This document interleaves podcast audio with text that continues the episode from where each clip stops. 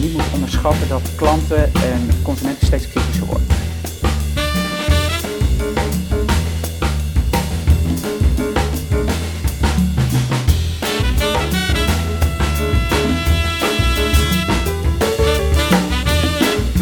Hi en van harte welkom allemaal bij CMO Studio. Uh, ja, dus de, de, de podcast en videorubriek over marketing van, uh, van Adformatie. Mijn naam is Roderick Birande, ik ben uh, redacteur marketing bij Adformatie. En vandaag heb ik weer om te ontvangen Egmond Philips. Die is Head of Europe Digital Marketing en CX Practice bij Tata Consultancy Services. Je ziet dat ik het even moet voorlezen, want dit is een lange titel om in één keer te onthouden. Wat gaan we doen? We kijken met Philips naar de ontwikkelingen in het Nederlandse marketinglandschap. En ja, uh, uh, Egmond die komt er meteen even in, want hij zegt dat we nu leven in het paradijs voor de technische creatieveling. Wat bedoelt hij daarmee? Hartelijk welkom Egmond, geweldig fijn dat je er bent. Uh, die vraag kun je zo meteen meteen maar even beantwoorden denk ik. Maar misschien fijn als je ja, toch even kort kan uitleggen wat je job behelst. Ja, nou ja, uh, het is een, lange titel, maar het gaat dus om digitale marketing en customer experience. Daar uh, adviseren we en helpen we en implementeren we uh, zeg maar bij banken en verzekeraars, financiële instellingen ja. In Europa de nieuwste technologieën. Juist. Jouw scope is dus heel Europa ook? Mijn focus is Europa um, en um, in feite moet je het zo zien, waar ligt die behoefte dan? Want dat is natuurlijk even, waar hebben we het dan over? Ja. is als je kijkt, uh, afgelopen jaar, twee derde van de marketeers heeft iets in zijn marketingtechnologie of haar marketingtechnologie veranderd, aangepast of vernieuwd. Uh, we zien uh, vorig jaar een 70% groei in investeringen in marketingtechnologie. Uh, dat betekent dat je tegen vragen aanloopt. wat ik nu doe, klopt dat wel? de spullen die ik heb, kan ik mijn doelen, hè, of dat nou NPS verhogen, efficiëntie, omzet is, meehalen? En hoe doe ik dat dan? Wat in de klantreis moet ik aanpassen? Wat betekent dat voor mijn data? Wat betekent dat voor mijn marketingtechnologie? Nou, daar hebben we alles voor in huis. Het was urgent. Het is urgent en het wordt misschien wel nog urgenter. Zo is het.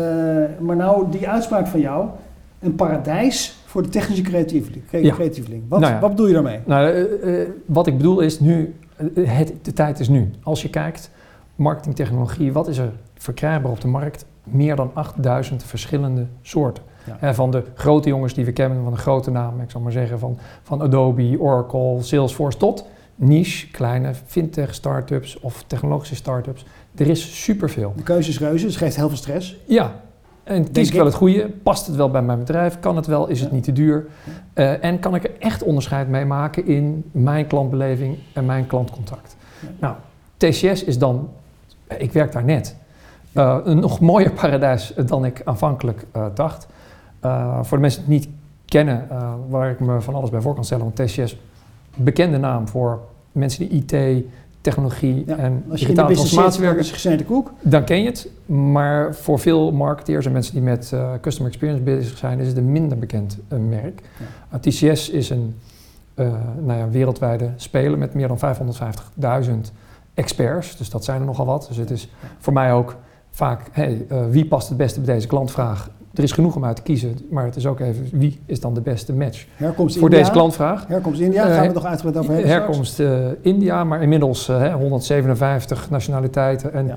we hebben meer klanten buiten India dan in India überhaupt. Hè. Dus wat dat betreft ja. Ja. is dat um, echt een heel andere cultuur en wereld dan je het beeld hebt bij India. Uh, mooie introductie. Uh, wij, wij, duiken meteen even de actualiteiten in, zoals we gewend zijn bij, uh, bij CMO Studio. Uh, ja, recent zagen we dat de programma's van de nieuwe omroep Ongehoord Nederland, ja. of ON, uitroepteken, ja, onder vuur kwamen. Kon je een beetje zien aankomen misschien wel. kritiek van de kijker betreft desinformatie, onjuiste inhoud, partijdigheid. Ehm, we hebben daar bijvoorbeeld Kamerlid Pepijn van Houwelingen van, de, van, de, van Vorm van Democratie uh, horen zeggen dat, dat Rusland omsingeld is. Uh, nou ja, ja. Daar, daar, kan je natuurlijk helemaal niks bij voorstellen eigenlijk. De NPO bespreekt de klachten met de directie van Ongehoord Nederland. Uh, wat daaruit mhm. komt, dat, dat moeten we nog zien. Ehm, en ja, dan vraag ik, wat, wat zegt dit nou dat, dit, dat zoiets gebeurt nu, dat dit kan gebeuren? Wat zegt dit over ons publiek mediabestel? Ja, nou, dat is best een moeilijke vraag. Um, kijk, ik, dit is Nederland. En Nederland zijn recht staat. En eh, waar de vrijheid van meningsuiting heel hoog in het vaandel staat. Ja. En dat vinden we fantastisch. En zeker wij creatievelingen, wij, wij, wij willen die ruimte ook hebben. Maar waar het natuurlijk lastig wordt, is waar het vrijheid van meningsuiting ophoudt en bedrog, eh, misleiding begint. Ja. Ehm, en eh, wat ik zie, en dat gebeurt hier volgens mij ook, is dat je voelt zeker, dit is, hier wordt een grens overschreden, dus dat is het buikgevoel, dat is wat je zegt. Maar ja, wat zegt het recht daarover? Dus hè, mag dit? Ja. Kan dit? Ehm, dat zie je steeds dat het moeilijk is. Ik ga natuurlijk altijd voor buikgevoel. Eh, en ja, het recht zal er al dan niet bij eh, werken. Nee? Maar wat ik denk dat het met het publiek doet, is, Mhm. die voelt dat ook. Ja. Dus die gaat zeggen, vind ik deze bron dan nog wel betrouwbaar? En helaas zijn er ook mensen die dat, deze bron betrouwbaar vinden. En daar zullen we dan een tegengeluid moeten laten horen. Want dat, dat kan ook in dit land. Ja. Maar dat is het lastige. Waar ga je nou die grens over? En ik vind dat waar je lijkt de grens over te gaan, moet je dat toetsen. Dat, hoort, dat, dat is onze En ze zaak rol. voor de rechter. Uh, de rechter, ik vind het, uh, de, de pers, de journalistiek is natuurlijk ook een hele belangrijke, uh, speelt een belangrijke rol om die spiegel voor te houden en waarheidsvinding te doen hè, voor het grotere publiek. Dus ik, ik denk, het komt op zich wel goed, omdat in dit land je ook niet zomaar met alles wegkomt. Nee, nee. Hè? Maar je moet wel je vinger opsteken van, hé, kan dit wel. Hoe dit uh, gaat aflopen, dat zullen we Ja. wel even zien inderdaad. Ja? Of de, de, de stekker daar uitgetrokken wordt of dat er inderdaad vanuit de rechter uh, dingen besloten worden. Uh, deze vraag zit er natuurlijk ook in in deze aflevering, omdat het ook uh, een, een, mogelijk effect heeft op uh, de adverteerders die om die programma's heen zitten. Hè? Dus Ja. Je kunt je voorstellen nou, dat het niet zo fijn is voor de, voor de, voor de gemiddelde fatsoenlijke adverteerder om daarbij te staan. Vind je nou eigenlijk dat adverteerders daar een punt van moeten maken richting ster? Ja, tuurlijk. Dus als je van een merk bent en een bedrijf uh, dan, uh, en je adverteert, dat gaat om associatie. Waar Ja. wil je wel en niet mee geassocieerd Ja. uh, worden? En waar zit jouw doelgroep? Hè, dus waar adverteer je omheen? Ja. Um, ik zou er eigenlijk vanuit gaan dat dit al gebeurt. Hè, als je kijkt naar wat er bij, bij YouTube natuurlijk is gebeurd, is dat je gewoon ook een lijst kan maken van hier wil ik niet uh, omheen zitten. Het lastige is natuurlijk waar je wil je wel omheen zitten. Daar is volgens mij minder makkelijk een lijstje van te maken. Ja. Maar je kunt wel aangeven, ja, hier wil ik niet mee geassocieerd worden. Dus daar uh, wil ik niet omheen adverteren. Ja, ja. Uh, ik zou veronderstellen dat je dit gesprek, of dat je dit al kan. Precies. is eigenlijk gewoon een mailtje van, naar, naar de ster van... eh, jongens, eh, eh, dit pakket eh, prima, maar ik wil er niet bij het programma zitten. Ja, als je aan kan geven, ik wil wel rond het 8 uur journaal en niet eh, daar groetjes. daaromheen, dan moet je ook kunnen zeggen, en daar Ja. hoef ik niet Ja. omheen. Stapje verder zou eh, de Belangenclub van de adverteerders, hè, BVA, Bond van Adverteerders... Zou, zou, zou die zover moeten gaan om te zeggen van... eh, we spreken ons daar publiekelijk over uit... eh, in het belang van adverteerders? Ik denk het wel. Ik denk eh, dat ze de kwaliteit van adverteren, eh, dat dat een thema Ja. eh, is. En als dit afbreuk doet, Ja. dan zul je daar als BVA kun je een, beter standpunt innemen dan een individueel adverteerder. Ja. Dus het, het- ik zou het als adverteerder zijn ook daar neerleggen om dat gezamenlijk te doen en niet merk voor merk een punt maken. Goed, werk aan de winkel dus voor Erik van Engelen, de voorzitter van BVA. ja, ja, ja. Ja. Dat is dan maar gezegd. Ehm, een ander onderwerp. ehm, recent haalde eh bureaunetwerk eh, ehm, Orlando Wood eh, naar Nederland om het podium te zetten. ja. Dat gebeurde vanuit DDB Unlimited. Ja, Orlando Wood die heeft een, een, een strijdpunt gevonden. Die ga- gaat met zielzaligheid eh, ten strijde tegen slecht te onthouden reclame. Hè, zijn punt is eigenlijk dat reclamebureaus veel te veel eh, op impact zitten. En dat werkt prima om in het, om, weliswaar om in het korte termijn geheugen te komen. Hè. Dus je kunt je voorstellen, een disruptieve reclame ehm, valt op, bam, dat onthoud je. Ehm, ja, dat kun je natuurlijk doen op verschillende manieren. Lekker design, hippe beelden, muziek, et cetera. Of misschien ook wel door eh, alle, alle woke boxen aan te tikken van diversiteit en eh, gelijkheid, et cetera. Maar dat, eer, dat eerste, eh, die eerste stap is niet voldoende wat, wat eh, Wood Nee. betreft. Die zegt eh, dat, dat slechts 11% van de commerciële boodschappen, nou als hij het zegt, Dat zal het hij, waar heeft zijn. hij heeft het Onderzoek hij heeft er gedaan. onderzoek naar gedaan. Het is een geek. Ehm, bereikt het langetermijngeheugen van de mensen. Ehm, ja, ik vraag me af, vind jij dit nou een terechte strijd om aan te gaan? Nou, ik, ik, ik denk dat hij gelijk heeft. Uh, dus uh, er zijn twee kanten aan. Hè. Or Orlando laat ook uh, zien, vooral die internationale reclames die in alle landen voor alle doelgroepen aansprekend moeten zijn. Ja. En dat dat een soort gezapige, saaie, oppervlakkige ja. dingen worden. Nou, ja. hè, dat is zo. En, en, en, hij stelt er tegenover dat, de creatief, dat er een renaissance van de creativiteit nodig is om weer echt impact te maken en het echt te laten kleven. Ik denk dat de wereld niet zo slecht is als hij het voorstelt, want ik denk dat er op lokaal niveau, dus zeg maar iets wat voor echt voor Nederland bedoeld is, dat daar die creativiteit veel beter tot zijn recht komt en dat je daar echt hele mooie creatieve dingen uh, mm. kan maken. Mm -hmm. Waar ik altijd naar kijk als je iets wil laten beklijven. Ja, voor de lange termijn. Voor de lange termijn ja, ja. is het concept van cognitieve dissonantie. Dus Mm. mensen hebben bepaalde denkkaders. Dus je moet iets doen uh, wat niet past binnen het huidige kader. Dat je denkt, hè, wat Klopt zie ik niet. hier? En dan ben je aan het opletten. Hè, wat gebeurt hier? Nou, dan ga je dus kijken, ga je echt opletten. En de kans dat iets dan blijft kleven, omdat het eerst niet paste in je kader, is veel groter. Mm. Um, een, een, een beetje gewonig voorbeeld van nu is misschien die Plameco reclame van nu. Waar mensen over straat lopen, op allerlei plekken naar boven kijken. Dus je denkt, hé, hey, dit ziet er heel raar en vervreemdend uit. En, want je, je hebt, En het bleek je dus dat ze naar het neiging, aan het kijken waren. je hebt natuurlijk de neiging om dan hetzelfde te doen. Ja, maar je bent, wel, je bent dan wel aan het opletten en dan komt die, hé, hey, uh, het Ja. gaat, oh, het is plafond uh, reclame. Uh, maar de all-time favorite voor mij, Ja. uh, en volgens mij is die uit 19, of nee, 2017, zo. Dus dat is lang, best wel lang termijn, hè? dat zijn toch een paar jaar verder. Nog steeds onthouden. Is nog steeds onthouden, is de ananas van Ben. Ja. Ehm, Die wa- we klaarstaan. Oh, die heb je klaarstaan. Die klaarstaan? Oh ja, ik had het je verteld. Dat Die- ik, ja. Nee, dat moet je niet zeggen, want dan denken Ja. mensen van, we hebben een voorgesprek. Het is allemaal spontaan. Hoe doe je Maakt dat? niet uit. Dat knippen we er niet uit, maakt niet uit. Eh, we gaan even kijken naar de ananas van Ben. Gek hè? Als we mooie momenten zouden missen omdat we de hele dag naar een ananas kijken. Maar waarom doen we dat dan wel met onze mobiele telefoons? Want de allerleukste momenten deel je natuurlijk niet met een ananas. Die deel je met elkaar. Doe die ananas nou eens weg. Ananas. Ja, geniaal natuurlijk, die ananas van Ben. Dat, eh, ik kan me voorstellen dat je dat onthouden hebt. Dus eh, ja, dus, dus soms lukt het wel. Ja. Eh, eh, maar hoe, hoe verklaar jij nou dat, dat het bij kennelijk zoveel adverteerders toch, toch, toch niet goed lukt? Hè? Eh, dus 100 min 11 procent is eh, heel veel procent. Daar, daar lukt het niet. Ik- ik Waar denk- gaat het mis? Nou, lef. Lef. Ja. Lef van het merk, lef van het bedrijf, lef van het bureau. Ja. En ook heel vakmanschap. Hè? Dus even om die ananas van Ben toch even te pakken. Ja. Het is op een aantal manieren briljant. Ja. Eh, want je doet iets tegenstrijdig. Het is een telefoonmerk. die- Je denkt, die willen dat je naar de telefoon kijkt. Terwijl ze in de, hierbij zeggen, zit niet naar je telefoon te kijken, ananas. Ja. Hè? Eh, het, het, het is eh, een guerrilla geweest waar eerst ochtends op allerlei plekken, op stations, in treinen, mensen naar een ananas aan het kijken, waar in het nieuws kwam, Ja.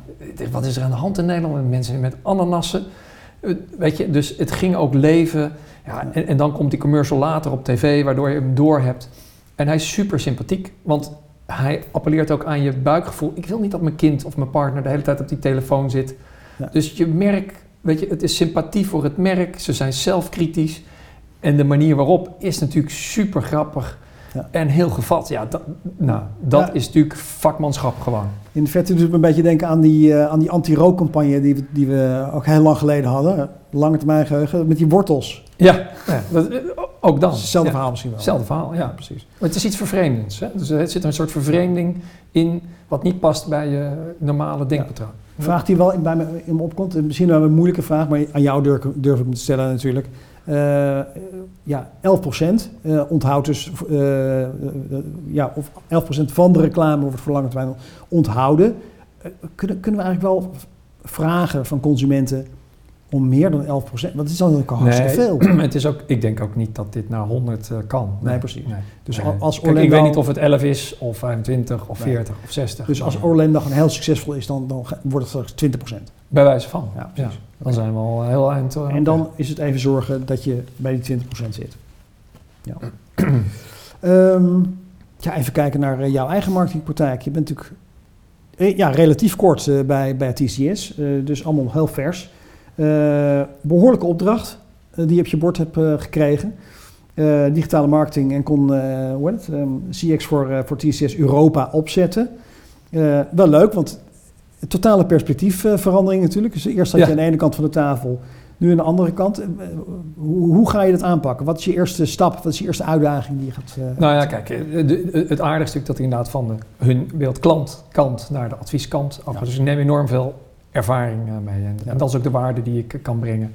Hè, dus ik kan ook uit eigen ervaring eh, eh, adviseer- adviseren en, Hm. en meehelpen. Ehm, nou, de, de, de uitdaging, er ligt natuurlijk al wat. Ik, ik zeg altijd maar, het is een scale-up binnen het grote TCS. Dus we beginnen niet met niks. Ja. Dus er is al een praktijk die heel goed draait met een aantal klanten. En vooral ehm, in de US doet het het al heel goed. En een aantal andere werelddelen ook. In Europa kan het gewoon sneller groeien. En we zien dat er tijd voor is. De, het aanbod, er zijn drie pijlers hè, over marketing experience, eh, marketing technologie en ook marketing intelligence. Hè, dus dat gaat meer over Ja. de datamodellen en dat je next best action, zoals dat heet, Ja. en die customer journey orchestration kan eh, managen. Die marketing experience zit in de hoek van eh, consumer expe- Ja, dat zit echt in de experience. klantbelevingskant. Hè, dus customer customer journey journey, design. Ja. En wat, wat ziet, voelt of hoort die klant van jou? Dus dat ontwerp, dat zit meer in die CX en marketing eh, experience kant. Technologie heb je nodig om het mogelijk te maken.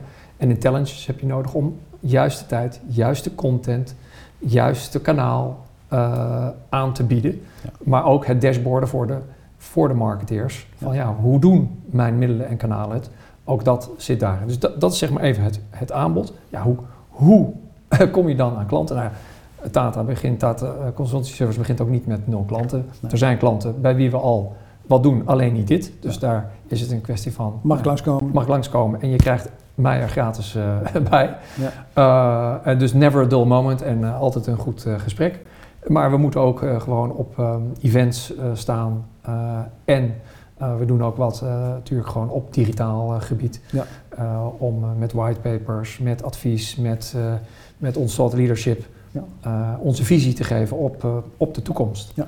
Uh, en het aardige is wel, moet ik zeggen, dat zo'n TCS met zo'n enorm ecosysteem die ze hebben, hè, van eigen technologie, eigen mensen, eigen R&D en hun partnernetwerk, Ja. dat er heel veel kennis is om, om te delen. En dat de filosofie ook is, ehm, met de kennis die wij met z'n allen hebben, kunnen we anderen verder helpen. Ja. Dus het aardige is ook, als ik een collega of iemand intern nodig heb om voor een klant iets te bedenken, eh, er wordt tijd gemaakt. Ja. Want dit is wat wij zijn. Je trapt het gesprek even af met die, eh, met die knuppel van eh, technologie en eh, creativiteit natuurlijk. Ja. hè. Ja, voor zover ik TCS ken, lijkt het mij een heel analytisch bedrijf, heel technologisch bedrijf. Hoe, hoe ga jij nou die, die, zorgen voor de waarborg van die creativiteit? Nou, laat ik eerst zeggen, er is heel veel creativiteit. Want om echt nieuwe technologie eh, te ontwikkelen en te implementeren, daar moet je onwijs creatief voor zijn. Ja. Dus wat heb je voor creativiteit nodig? Nou, ik heb daarvoor nodig ruimte, dus tijd. eh, en ruimte in mijn hoofd. Ja. Om, eh, eh, ja, om nieuwe dingen te bedenken. Zeker. Ehm, nou, die wordt gegeven. Dit Mm. is een enorm ondernemend bedrijf die daar ook ruimte voor maakt en ruimte voor geeft. En het liefst doe ik dat dus met klanten om samen iets te bedenken. Ja. Nou, dus dat is eigenlijk hoe het werkt. Maar als het gaat om creativiteit in de zin van hè, waar wij marketeers naar kijken, hè, dus eh, de content, de visuals, de manier waarop wij interacteren, ja, ook daar hebben we expertise in. Hè. Dus dat zit in het customer journey design, in het digital design. Dat zijn gewoon creatievelingen. Dat zijn andere types dan die jij misschien in je hoofd hebt Ja, ja, bij, ja, bij maar het is niet zo dat- dat rationele engineers. Nee, precies, dus je- die dat mensen zijn- werken er al. Ja, Ja. ja. Dus jij had het over ehm, het, het, het, het paradijs, hè, wat ik dan zei, het paradijs voor de technische creatieveling. Ja, je hebt dus technische creatievelingen, Ja. maar je hebt ook creatieve technici. Nou, Ja. Die combinatie is eigenlijk, Is, is- Ideaal. zit daar een groot verschil tussen eigenlijk? ja, ja daar zit een groot verschil tussen. Oké. Dus ehm, eh, creatievelingen, zeg ik dan maar, die komen eigenlijk uit de creatieve hoek en zijn gaandeweg technischer geworden. Ja. Eh, maar je hebt ook technologen, ja, die hebben geleerd meer creatieve toepassingen te doen. Ja. Wat ik vind is dat eh, marketeers, eh, en dat is de ontwikkeling die je dus nu ziet, marketeers, traditionele marketeers, veel technischer moeten worden. Dus je ziet het tussen branding en performance management, je ziet eh, binnen marketingafdelingen dat performance management neemt toe. Ja. Hè, performance marketing en de, de creatieve kant blijft eigenlijk even, even groot. Wat, wat kan jij doen vanuit, van- van- vanuit jouw rol om zeg maar die crea- Wacht even. Eh, ja, ik, gebeurt er? ik denk dat ik weet wat er gebeurt. Ik, denk- ik moet even de knop indrukken. Oké.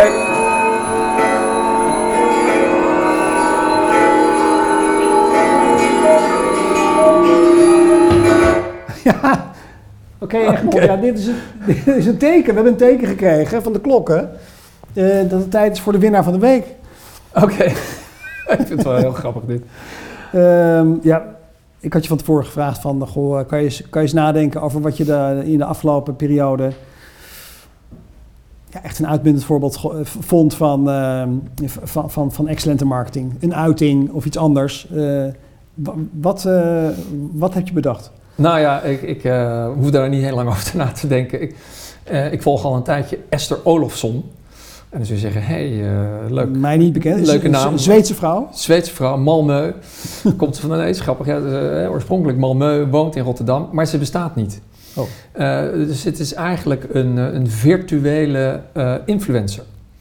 Dus waar wij het steeds hebben over metaverse, hè, daar zijn we nu allemaal mee bezig. Van wat kunnen we daar? Moeten we allemaal, dus waar we onszelf naar een soort ander universum teleporteren. Is dit iemand die uit een ander universum, bij wijze van spreken, in onze eh, wereld staat? Dus het is een virtuele influencer. Hoe, hoe manifesteert zij zich Nou, dan? zij, zij eh, is op allerlei plekken in, in Rotterdam. Zij eh, nou, maakt dan ook reclame voor uh, postillonhotels, zou ik maar zeggen. Want die een nieuw hotel openen in Rotterdam. Fair enough, ja. Ja, dat, dat is wat influencers doen.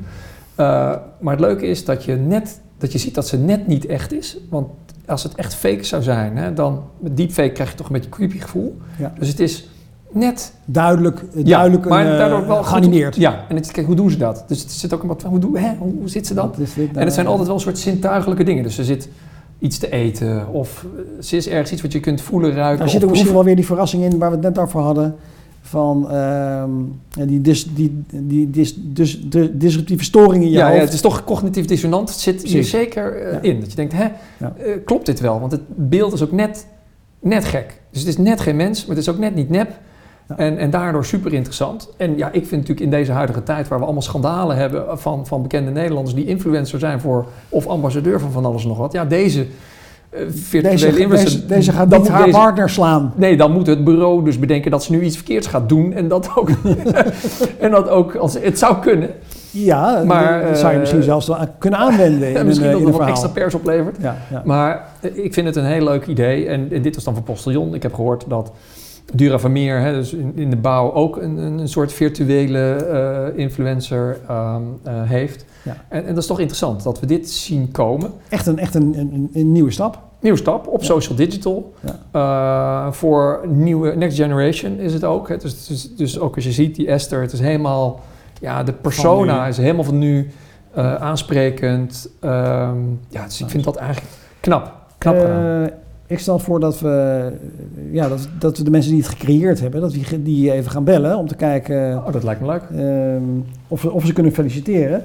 Ehm, ja, dat, dat, is, dat is dan niet iemand van het Postillon Hotels, maar echt de, de bedenker, Ja, eh, dat- Maarten Reizigersberg. Ja, natuurlijk. Ehm, ik ga dan even op het telefoon. Nee, want het is de influencer. Hè? Dus die eh postillon komt natuurlijk voorbij. Ja, want ik stel me zo voor dan eh, dat, dat zij ook wordt ingezet eh, voor meerdere merken. Dat, eh, Ja, of ik, ik dacht dat ik laatst iets voorbij zou komen dat ze een petitie voor de, in de stad Rotterdam over iets had ingediend of zoiets Ja. ging doen. Weet je, dat, dat hoort er dan ook bij. bij precies, zo'n je kunt er echt een heel leven niks- bij verzinnen. Ja. Ja, Dus oké. Maarten Rijgersberg is dat van, van bureau Rauw CC. Of Rauw CC. Nou, in ieder geval uit Rotterdam. Ja, kijken hoe die opneemt, dan Ehm, weten we of het Rauw CC of Rauw CC Precies. Even kijken hoor.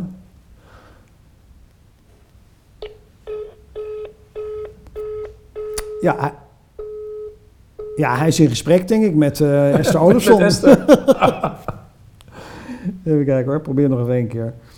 En als dat niet lukt, kunnen we wel Kunnen we proberen om, om, om Straks hem later na de opname nog even eh, te bellen. Maarten Rijgersberg. Met Maarten. Hey, dag Maarten. Je spreekt met eh Roderick Miranda van, eh, van Adformatie. Ik zit hier met... Dag, eh, Roderick. ja, hoi. Ja, ik zit hier met Egmond Philips eh, in, eh in CMO Studio. Dat is een, ja, een video- en podcastfabriek over marketing. En met een, leuk, met een leuke mededeling, want jij en Rauw CC zijn, zijn, zijn uitgeroepen tot winnaar van de week. Ah, wat tof.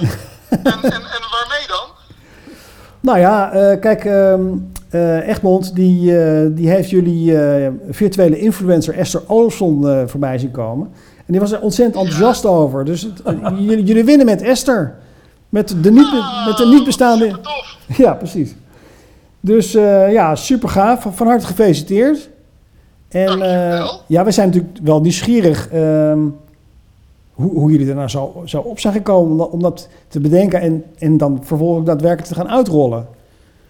Ja, nou ja, dat is eigenlijk eh, eind 2019 eh, kwam Postillon Hotels bij ons om een eh, campagne op te zetten voor een nieuwe, ehm, eh, inmiddels niet meer zo heel erg nieuwe hotel in, in Rotterdam.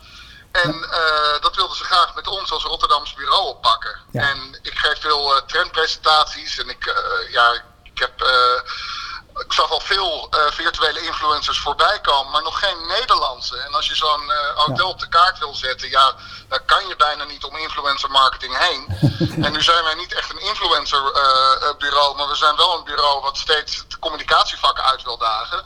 Dus wij dachten van, nou ja, weet je, laten we eens proberen om een virtuele influencer te creëren. Ja. En dat is, ja, dat is bijzonder goed gelukt. Ja, wat lach joh. Hey, en wat, wat, wat zie je nou zelf als het grote voordeel van ja, een, een virtuele influencer boven, boven een echte? Nou ja, ik denk dat het vooral is eh, dat eh, eh, virtuele influencers maken geen fouten. En we hebben natuurlijk de afgelopen eh, maanden, eh, vooral met het eh, voice drama gezien, eh, waar influencers, eh, nou ja, dat die toch ook wel eens een scheve schaats rijden, waar je dan Ja. als opdrachtgever niet gelijk heel erg blij van wordt. Ja. Ehm, en dat is bij virtuele influencers niet zo. Ja. En ja, wat ik vooral zie is, is eh, in de, in de B2B-markt, waar wij met Rauw wat meer in, eh, in opereren, eh, zie ik vooral ruimte voor virtuele merkambassadeurs. Dus ik, ik, ik zie dat communicatie en technologie steeds dichter bij elkaar komen en elkaar ook hard nodig hebben. En eh, ja, dat er op dit moment, zeker met de ontwikkeling van voice-applicaties, van chatbots, van de metaverse, ja, dat er eigenlijk behoefte is aan eh, nou ja, wat vroeger een mascotte heette voor bedrijven. Alleen dan een, eh, een, een mascotte die ook daadwerkelijk een verhaal heeft en Precies. te volgen is Ja, op de ja. socials. Dus ik, ik, ik stel me zo voor dat er binnenkort misschien wel een, een Sven bij komt of een... ja, of, of, of nog meer andere virtuele influencers. Wat, eh, hebben, jullie, hebben, jullie nog, hebben jullie al plannen met, eh, met Esther zelf, die, je, eh, die je kunt delen? Gaat Esther binnenkort Nou ja, iets Esther, of spannends eh, doen? dat, dat is wel eh, vers van de pers. Esther komt in april eh, met een serie NFT's uit. Oh. Omdat dat een, ja, gebied is wat we ook wilden ontdekken. Dus Esther is op dit moment niet meer in dienst bij Postillon. Nee. maar wel in dienst bij Rauw. En ja, we proberen elke keer nieuwe dingen met haar uit. Dus NFT's stonden ook op het lijstje. En ehm, eh, Esther krijgt ergens in oktober, en dat verklap ik hier alvast, ja, een, een virtual companion, zeg maar. Ah. Want ze is toch een beetje eenzaam hier in Rotterdam. Ja, dus ja. we gaan er een, eh, een vriendje geven. Een vriendje, eh, oké. Dat ja, is, eh, Ik hou nog even voor me wat voor vriendje dat is. Nee, precies. Dat is, ja, een, vriendje is natuurlijk wel heel erg ouderwets. Gewoon een hetero-stel. Maar ik, ik kan me zo voorstellen dat Ah, jullie nee, daar... denk, meer, denk meer aan een, aan, aan een, aan een, aan een hondje of een katje. Ah. Of in ieder geval een, een, een, een dierachtig wezen wat haar gezelschap gaat houden. We kijken er zeer naar uit. Eh, we, houden, we zetten oktober in onze eh, agenda. Eh, heel leuk om even met jou hierover te praten, Maarten. Hartelijk bedankt. Ja, en dank jullie wel voor de, voor de, voor de, voor de, voor de, voor de, voor de prijs. We winnen nooit wat. Ja. Nou, zet hem in de prijzenkast, in de virtuele prijzenkast. Hartelijk dank Ga ik en tot snel, hè? Dankjewel. Oké. Een eh, fijne dag. Dag. Hoi hoi. Ja, dat is toch lachen dit? het is, eh, hè? Enthousiaste gozer, hè? Ja, ja, ja. Heel leuk. Maar goed, ze krijgt dus een eh, huisdier of iets. Ja, Ja, een vriendje, een vriendje. En die NFT's, kunstwerken, dat is natuurlijk ook eh, ja, slim Ja. bedacht. Ja, ja zeker. Ja, maar vooral ook leuk dat, dat uitproberen. Ja, Kijken of het werkt. Kijk, het Ja. werkt en dit is, het valt op. Ja. Dus eh, dit eh, ja, ik, ik hoop dat deze niet in die 11% of die in die, eh, wat is het, die 89% eh, zakt voor maart. Precies, Ja. dat, dat, dat zullen we zien. Ja. We gaan even door naar wat zwaardere kost. Eh, De marketingstrategie van TCS. Ja, nou goed, een paar grote onderwerpen mogen we er ook even Zeker, bij, de, bij de kop pakken, denk ik. Ik dacht zelf aan het onderwerp quantum computing. Lijkt mij steeds actueler worden. Grote bedrijven zijn er echt mee bezig. Eh, ja, ik denk dat voor, voor een heel grote groep mensen dat gewoon een, een ver, van, ver, van zijn of hun bedshow is. Eh, eh, maar ja, het heeft, wel een grote, heeft echt wel grote gevolgen die we binnenkort eh, gaan zien. Ik neem aan dat het voor, voor Tata Consultancy Services ook een, eh, een issue is. Ehm, Nou. ten eerste af, Ja. eh, is- het een ontwikkeling die jij ehm, eh, relevant acht voor, voor CMO's of voor, voor marketingmensen? Nou, eh, ten eerste, voor, voor, voor TCS is het denk ik geen issue, maar een, een uitdaging en een kans. Dus, eh, hè, Ja. dus eh, we, zi- we zitten Ja, ik natuurlijk bedoel, issue niet negatief, Nee, maar gewoon... het is ja. super relevant en interessant en we ontwikkelen er ook op, zelf en met klanten. Maar, maar de kern natuurlijk even is, hè, voor de brug nou, wat kan marketing ermee? Ja. Quantum computing is natuurlijk gewoon snelheid. Dus even weg van de bits en bytes van 0 en 1 je naar nu- iets wat ja. veel sneller Je kan nu, rekenen. je hebt nu een supersnelle computer, maar er is helemaal niks nog. Precies. Ja. Dus als je dat in gedachten hebt van snelheid, waar is snelheid nou, eh, heeft snelheid de meeste waarde in marketing? Ja. En dan eh, ja, ben ik natuurlijk een klantbeleving mens. Eh, dus ik zie dat in de klantinteractie. Dus hoe wij met elkaar praten, eh, wij, wij hebben alle zintuigen die ons continu voeden, waar we in ons hoofd heel snel dingen mee doen. Ja. Eh, Dit is, dit is ook wel op kwantumsnelheid. dit is op kwantumsnelheid. Ja. Dit is op kwantumsnelheid, Ja. bij wijze van. En misschien is kwantum nog wel sneller, maar dit is op kwantumsnelheid. Maar we kunnen dat met apparaten nog niet nadoen. Nee. Eh, als mensen zeggen van, joh Egmond, wat heb je gedaan in je carrière? zeg ik altijd, nou, ik, ik doe al eh, mijn hele carrière, probeer ik met machines mensen na te doen die met mensen moeten interacteren. dat is eigenlijk wat we doen. We zijn van persoonlijk contact naar zijn digitaal contact te gaan, wat nog steeds als persoonlijk of in ieder geval empathisch moet, eh, moet voelen. En empathie is natuurlijk heel moeilijk. Moet prettig zijn. Dus waar ik de, de kansen voor de toekomst zie van Quantum is in die eh, customer engagement kant. Dus waar je met klantcontact, zeg maar real-time, eh, hè, met alle sensoren en data en Ja. informatie spot-on en relevant kan zijn. Nou, dan heb je twee dingen nodig. Eén is snelheid, rekencapaciteit. Ja. Maar twee is natuurlijk, ja, je moet wel de data en de input hebben. Ja. En daar merk ik ehm, dat we nog heel veel te doen hebben. Eh, Dus Precies, want je veel kunt wel die, die snelheid hebben, maar als je niks hebt aan datapunten ja, je erin te stoppen, gewoon kan je naar niks vandaag, uitrekenen. naar Ja. vandaag, dan is nu de worsteling. Ja. eh, hoe kan ik überhaupt verschillende informatie over klanten van klanten Ja. combineren eh, en daar iets slims mee doen? En hoe kan ik ook externe data die ik mag gebruiken, hè, want we hebben natuurlijk die, de cookieless eh, era staat op de stoep. Is nogal een eh, onderwerp, ja. Daar mis je weer eh, input om juist. Ja. En niet iedereen heeft de kans om naar first, first party daar Nee, te nee dus je ziet dat de grote platforms zullen daar meer in kunnen doen. Ja, omdat die- ja, ja, en wie de, Platforms. klant, ja, wie de klanteigenaar is in feite en de meeste interacties heeft, heeft de meeste input en die kan daar wat mee. Maar voor nu is er al even iets dichter bij huis. Ja. Eh, dat is misschien een beetje eh, refererend aan de Super Bowl reclame van Salesforce. Die zegt dichter bij huis is er al zoveel Ja. eh, te winnen. Ja. Met de rekensnelheid van nu, zeg ik. Maar de toekomst is wel, eh, wel veelbelovend. Ja, precies. Van marketing heel even weer uitzoomen naar, naar het grote plaatje. Want het is ook wel heel interessant wat er gebeurt bij het quantum computing. Er zit ook een ethische kant aan het verhaal. Er zijn wel mensen die zich zorgen maken. Eh, omdat er een paar hele grote partijen, eh, die IBM's en eh, de Googles, et cetera, die is natuurlijk een red race op die, op die ontwikkeling. En de angst bestaat een beetje dat, nou ja, laten we zeggen, de eerste die bij de finish zijn, dat die heel snel allerlei dingen kunnen ontwikkelen, daar patenten op aanvragen. En dat je dus die macht weer zo gaat concentreren Mhm. bij een paar van die grote bedrijven. Is dat nou iets waar jij je ook zorgen over maakt? Ja, ik maak me daar zorgen over. En ik maak me ook zorgen over dat, dat eh, dit soort dingen door de verkeerde mensen, bij de verkeerde mensen in handen komt, laat ik het zo zeggen. Dus eh, Dus laten we het eerst P- even het P-woord, maar niet Ja, laten we het eerst over, over machtsconcentratie bij de, bij de goedwillenden hebben. Ja. Hè, ehm, eh, kijk, we leven in een maatschappij waarin wij ook met z'n allen kunnen zeggen: dit is niet eerlijk, eh, dit mag niet zo. Dus je kunt het met regelen, hè, door regulering, Rol voor de overheid. ja, kun je daar wel wat aan doen en het een level playing field eh, houden. Hè. Ik bedoel, Daar hebben wij instanties voor om te zorgen dat de concurrentie toch een beetje in, leven blijft in het belang van ons allen. Als je kijkt naar de ja, vallen, als dingen in verkeerde handen vallen, Ja. en eh, we hebben nu een oorlog gaande, dan maak je je wel zorgen van ja, maar wacht even. Ja. Eh, ja, technologie, toepassingen, hè, eh, cybercrime is Dat natuurlijk zijn, nu zijn natuurlijk sjaak. top of mind. Eh, het kan ook tegen je gebruikt worden.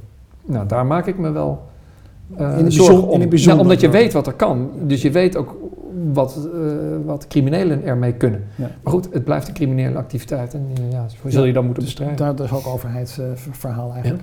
Ja, ja eh, vorig jaar verscheen het boek Quantum Marketing. Het is, het is duidelijk dat dat ook afgeleid is natuurlijk van quantum computing. Geschreven door Raja Rajamanar. Ehm, s- sluit het eigenlijk aan bij het bovenstaande waar we het eerder over hadden. Ja, Over die snelheid. Ja, dus eh, nou ja, is, eh, de, de, is de CMO van, van Mastercard. Die, eh, het is een goed boek. Eh, dus eh, voor mij, ik vond het een soort feest van herkenning. En het Boekentip dus. Ja, dat is echt wel een tip. Nee, dat meen ik serieus. Eh, ik denk dat de marketeer van nu moet het gewoon eh, gelezen hebben. Oké. Eh, het, het, het, is, eh, het structureert namelijk ook het denken over eh, de rol van marketing en de veranderende rol van marketing en, Ja. en hoe je je onderwerpen en je verantwoordelijkheden eh, structureert. Daarbij is natuurlijk een grote plek voor digitalisering. Ehm, en eh, quantum, het is nu niet voor niks de quantum markt, hè, hij gebruikt het woord niet voor niks. Nee. Dus dat die technologie zo hard ontwikkelt dat marketeers dat wel moeten kunnen en leren en veel meer technologische creatieven moeten worden dan ze nu zijn.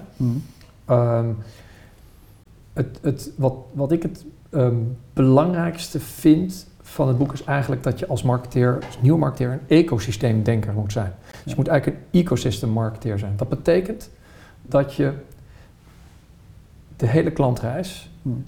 eh, snapt en de context begrijpt. Hmm. Dat betekent dus dat je leveranciers, afnemers, distributie, het productieproces, dat je eh, al die disciplines snapt, begrijpt en kan overzien en ziet welke partijen daar een rol in spelen. Alleen samen met partners en samenwerken in je keten kun je eigenlijk nog overleven en groeien en winnen. Maar wie zijn nou die goede partners? Waar kan je echt mee samenwerken? Dat, zijn, dat is eigenlijk het soort dingen waar je over moet nadenken. Geeft, geeft het boek daar ook antwoord op? Nee, geeft geen, het structureert, geeft wat voorbeelden. Ja. Maar laat ik dan een voorbeeld geven. Ja. Ehm, bijvoorbeeld, ehm, je zit in een betalingsverkeer en als je een ecosysteemdenker bent, dan denk je, ja, maar waar moet ik dan zijn? Als je kijkt, Adyen en Uber. Dus Uber is een platform, mobiliteitsplatform, zeg ik dan maar even. Het betalen is een negatief ding in de journey. Hè, want betalen is altijd vervelend, oud, pijn. Altijd even pijn, ja. Dus wat hebben ze gedaan? Ze hebben in die journey design hebben ze die pijn wegbetaald. Dus je, je, stapt, je stapt de auto uit en je, je hoeft niks te doen. Het wordt gewoon afgeschreven. Ja. Eh, Adyen begreep dat. Die begreep, wij moeten in het, in het platform zitten. Eh, en, en, hè, En je hoeft niet, je moet Seamless. niet een ac- actieve... eh, hè, gaan Precies. nu naar... en samen worden ze sterker en, en groter. Dus je moet dat soort denken hebben in waar is die klant? Waar zit mijn dienst? Waar kan ik het integreren in die journey? Ja, en dan is het een soort partnership die je moet hebben in dat ecosysteem om dat werkend te, te laten krijgen. Ja. Nou, zo geldt het ook voor je, je technologie. Dus ik zeg altijd, eh, kies partners die jou kunnen helpen groeien. Die eigenlijk net of verder en beter zijn dan jij. Ja. Eh, want dan kun je daar je hefboom op maken. Dankjewel, Ja. eh slimmere partner dan ik. Dankzij jouw kennis en inzet kan ik sneller groeien of me beter differentiëren van, van de concurrent. Very interesting. Ook iets interessants. Naamsbekendheid eh, van ja, Tata Consultancy Services eh, is denk ik in de breedte niet zo gigantisch groot. Je zei zelf net al van, ja weet je, als je echt in die technische hoek komt, Ja. die jongens die, die, die weten het wel. Die, Ja. eh, die, die, die praten ook misschien niet eens, met- die zeggen gewoon TCS. Maar de meeste mensen zullen waarschijnlijk als eerste denken aan de hoogovens, of in ieder geval de ijzerindustrie. eh, die niet altijd even lekker in het nieuws is de laatste tijd met allemaal viezigheid dat er uit de lucht komt vallen. Lang verhaal kort, ligt er ook een, een behoorlijke brand awareness klus voor jou eh, te wachten? Eh, ja, voor mijn doelgroep wel. Hè. Dus ehm, kijk, hoewel TCS de, dit jaar de 30ste verjaardag field van aanwezigheid in Nederland, hè, waar Ja. eh, KLM, Ahold, ASML en financiële instellingen al lang Ja. klant zijn, maar hè, met name de doelgroep die we eerder hadden. Ja. Ehm, eh, en, en we nu natuurlijk met Tata Steel, wat ook onderdeel is van de vele bedrijven, ik geloof iets van 100 bedrijven van Tata, eh, is dat Ja, ook want één van. Hoe zit dat dan precies? Dit, Nou, is dat Tata ik- een? TCS is een apart beursgenoteerde onderneming, Ja, een groot eh, bedrijf. Eh, Tata, er zijn meerdere bedrijven die Tata heten. Ja. Tata Steel is daar één van en komt uiteindelijk wel bij dezelfde eigenaren terecht. is het, is het een, zou je kunnen zeggen, familiebedrijf? Of, Eh, Ja, alleen wij kennen ze. Ik, ken, ik heb geen collega's van Tata Steel, zoals Nee. ik die ook niet heb voor Jaguar Land Rover, wat ook onderdeel nee, is van, van die- dezelfde groep. Maar die familie heeft een, heleboel verschillende soorten Ja. bedrijven en dat opereert een enorm ondernemende familie. Eh, we zijn nu een paar generaties eh, verder, maar die hebben een enorm ondernemende familie is het met, met enorm veel bedrijven. En een aantal zijn beursgenoteerd Ja. gemaakt om ook harder te kunnen groeien. Zo ook Ja. TCS. Oké, maar brand awareness probleem dus. Wat, Dus, wat- dus, dat ga je begint, doen? dus brand awareness begint hier. Ja, we kennen Tata in Nederland. Hè. Eh, Ja. Over de grens speelt het weer niet. Ja, we kennen Tata. Of we kennen eh, TCS als sponsor van de Amsterdam Marathon of Dutch Open. Ehm, eh, of mensen die van Formule E hè, houden, Ja. die kennen ook TCS. Racing Team. Ja. Juist. Ja, dus dat is de enige bekendheid die, eh, die er eh, is als het gaat om mensen die in marketing en customer exper- experience zitten. Dus voor mij is er een klus ook om die awareness eh, te brengen. Wat kunnen we bieden? Maar het is B2B, hè, dus het is vrij gericht. Je kunt dat zeg maar, een beetje op basis van account-based marketing Ja. wel bewerkstelligen. Maar het begint vaak met voorstellen. Ja, precies. Dus het is ook wel heel persoonlijk. Het is niet zo dat je nou hele zware campagnes over Nederland gaat uitrollen. het is nee, uiteindelijk overal aanbellen. Eh, nou ja, uiteindelijk is het natuurlijk eh, introductie, je moet het bedrijf kennen. Ehm, het, het goede is TCS achter mij te hebben, dat het een waanzinnig bedrijf is die de kennis in huis heeft. Dat is natuurlijk heel sterk, maar het gaat uiteindelijk natuurlijk om de mensen die je krijgt. Het is bij ons mensenwerk, het gaat om menselijk kapitaal, waarmee we intellectueel en technisch kapitaal eh, Ja. maken en waarmee we klanten helpen. Ja, precies. Dus bij mij, bij, voor iedere opdracht mijn klant is toch, ja maar wie gaat het doen? Is dat de beste specialist? Heeft hij een klik? Ja. Eh, en gaan we het samen doen. Dus het- uiteindelijk is het natuurlijk eh, het grote TCS, maar het is toch Precies. mensenwerk. Nou, dus die brand awareness is natuurlijk altijd stap 1. En merklading eh, komt er altijd Ja. daarna.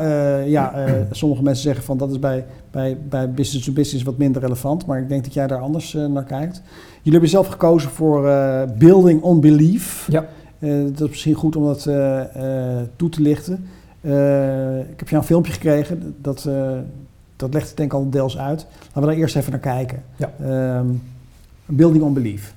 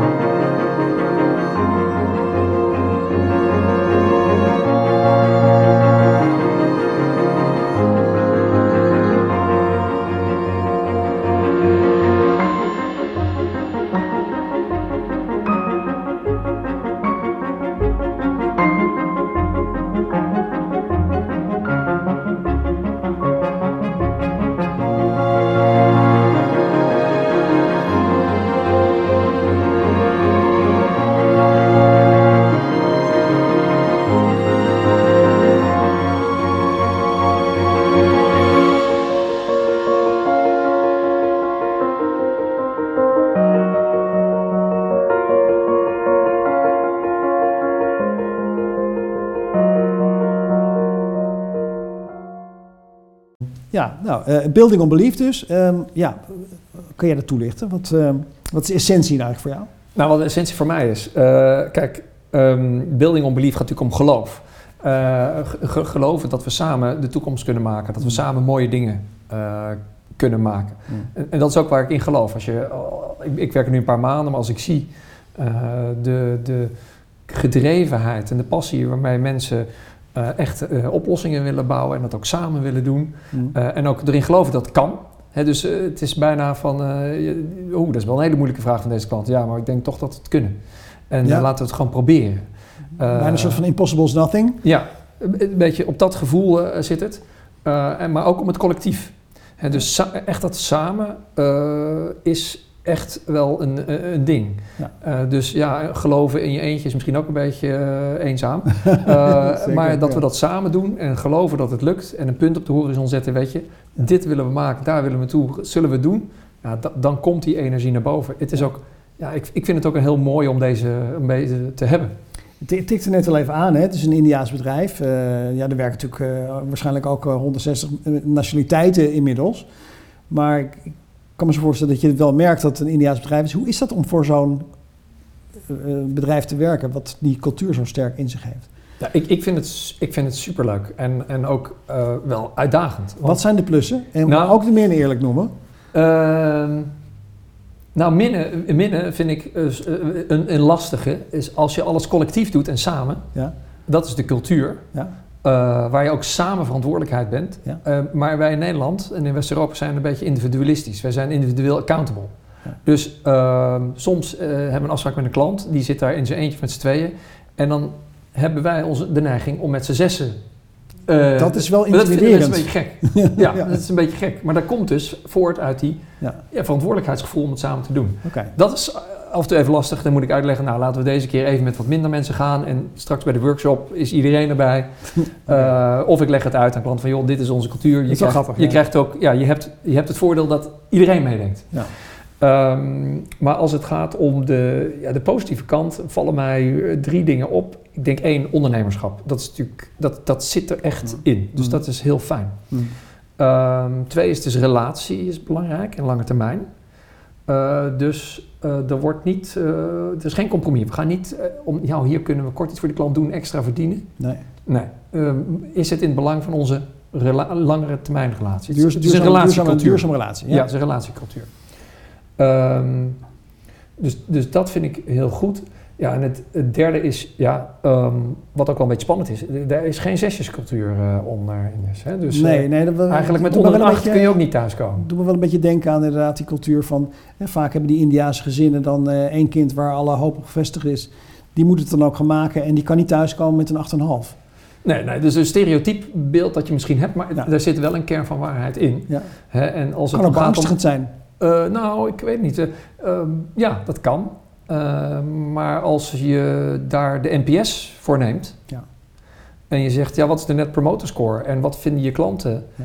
En daar is onder de 8, eh onder 8,5 ook niet goed genoeg. Hè? Dus eh, je moet bijna als klant denken, nou, ik, ge- ik, ik geef maar een 8,5 om er vanaf... Want, want we blijven natuurlijk net zo lang... Hè? Dat is ook, we, geven niet op, we blijven Nee. net zo lang ons best doen... Nee. tot eh, we niet hoger Tot kunnen. die, tot die 9 Ja, is. ja, en, het, en het grappige is wat ik merk dan ook in discussies dat we internationaal worden er andere cijfers gegeven. Wij Nederlanders vinden een 8 nou Dat veel is- hoger. eh, nee. nee, maar, maar in Amerika weet je, geef je makkelijk een 9 of een 10. Oké. Dus we moeten ook aan elkaar uitleggen, ja, Dit, zo werkt het wel. er zit ook, er zit ook dus- cultureel ja, verschil Je in. moet die- de benchmark er gewoon duidelijk ja, naast leggen. precies, anders, precies, eh, precies. ja. Maar ja qua, ja, qua inborst is dat natuurlijk heel prettig eh, als dat erin zit. Ja, precies. Ja. En eh, laten we zeggen, die manier van denken, eh, we moeten naar 9, dat, dat zit ook wel een beetje in jou, toch? Nou ja, en het, het, het, legt ook druk op mij, want ik ben nieuw in een bedrijf. Ja. Hè, dus je moet echt je best doen. Dus voor mij is het ook, ja, wat moet ik doen voor een 9 om, om van onze klanten te horen? Maar ook, wat moet ik doen voor een 9 eh, om binnen die eh, super intelligente collega's eh, een beetje goed mee te Precies, doen? Dat, ja. ja. dat Spannend. is het wel. Spannend. Ja. Mooi verhaal, nieuw beginnings, helemaal te gek. Eh, ik wil graag afsluiten met, met iets wat me opviel. Een eigenaardigheid, want wij hebben natuurlijk wat, wat heen en weer zitten appen met z'n tweeën. En ja, de meeste mensen hebben dan natuurlijk een goed portret van zichzelf, waar ze een beetje knap op staan. Ehm, bij jou zie ik een, eh, een garde, dus een, een, een keukengarde, waar je nou ja. Ja. bijvoorbeeld slagroom klopt wat dan ook. Ja, ja, in mijn profiel, eh, mijn profielfoto. Ja, ja, Ja, ja. En je wil weten waarom? ik ben wel benieuwd. Ja. Ik bedoel, met, met, met Tata Consultancy Services kan Nee, niks te maken nee, hebben. Nee, nee, daar heeft niet zo heel veel mee te maken, denk ik. Eh, nou ja, ik heb natuurlijk ooit hotelschool gedaan. Voordat ik nog verder ging studeren. Maar dus er zit iets van Daar zit al een, culinair tintje. Dus waarom is het een kitchen tool geworden? Maar Ja. voor mij staat die garde voor twee dingen. En ik heb hem eigenlijk al best lang als profielfoto. Dus eh, hij doet het eh, voor mij nog steeds. Ehm, ik denk twee dingen. Eén is leven in de brouwerij en ook een beetje marketing. Hè? Dus, dus de, de grap is bij marketing altijd, eh, hoe kun je lucht verkopen? Ja, dus ik zeg altijd, ja, weet je, we, opgeklopte... voilà, opgeklopte slagroom. ja, Ja, is gewoon slagroom met lucht. Ja, ik bedoel, eh, Ja. en hij is toch lekkerder Ja. als hij geklopt is en meer waard. waarde toegevoegd. Dus waarde toegevoegd. Dat, dat, dus dat het ook met hele simpele dingen kan als lucht. Eh, en de andere eh, die ik super belangrijk vind, want deze eerste stuk een beetje meer gimmick, maar de tweede ben ik echt wel serieus in, dat ik geloof in, in, in een mix van mensen en talenten. Als je daarmee werkt, dat je echt met de beste oplossingen komt. Dus het is ook echt de bedoeling om anders denken aan boord te hebben. En niet één, hè, dus niet één, een groep en even een omdenker erbij. Nee, je moet echt een mix hebben eh, van verschillende achtergronden, talenten, met verschillende blikken. En dan eh, ja, kom je natuurlijk altijd met wat wrijving, maar wel tot het eh, beste resultaat. En eh, Wat ja, heb je dan nodig? dat geldt voor mij nog steeds. En daar kan je het mee mengen. Ja, dus het gaat Ja. ook om het mengen en het mixen. Dus dat is, dat is het. Leuk, interessant. Creatief gevonden. Ja, ik denkt mij ook een klein beetje om na te gaan denken welke keukenapparatuur eh, bij mij binnenkort eh, te, in de WhatsApp eh, te zien is. Ehm, Nou ja, een grill, hè? Je, je bent hier mensen op de grill aan het leggen. Dus. Nou ja. Ja, precies, in de frituur. Ehm, ik dank je heel erg hartelijk, Egmond. Eh, ik vond het een leuk, interessant gesprek. Dank voor je komst naar CMO Studio. Ehm, ook dank aan onze luisteraars. Ook dank aan onze kijkers. Eh terecht dat jullie er weer bij waren. Ehm, ik zeg, keep up the good marketing. En tot de volgende CMO Studio. Hoi.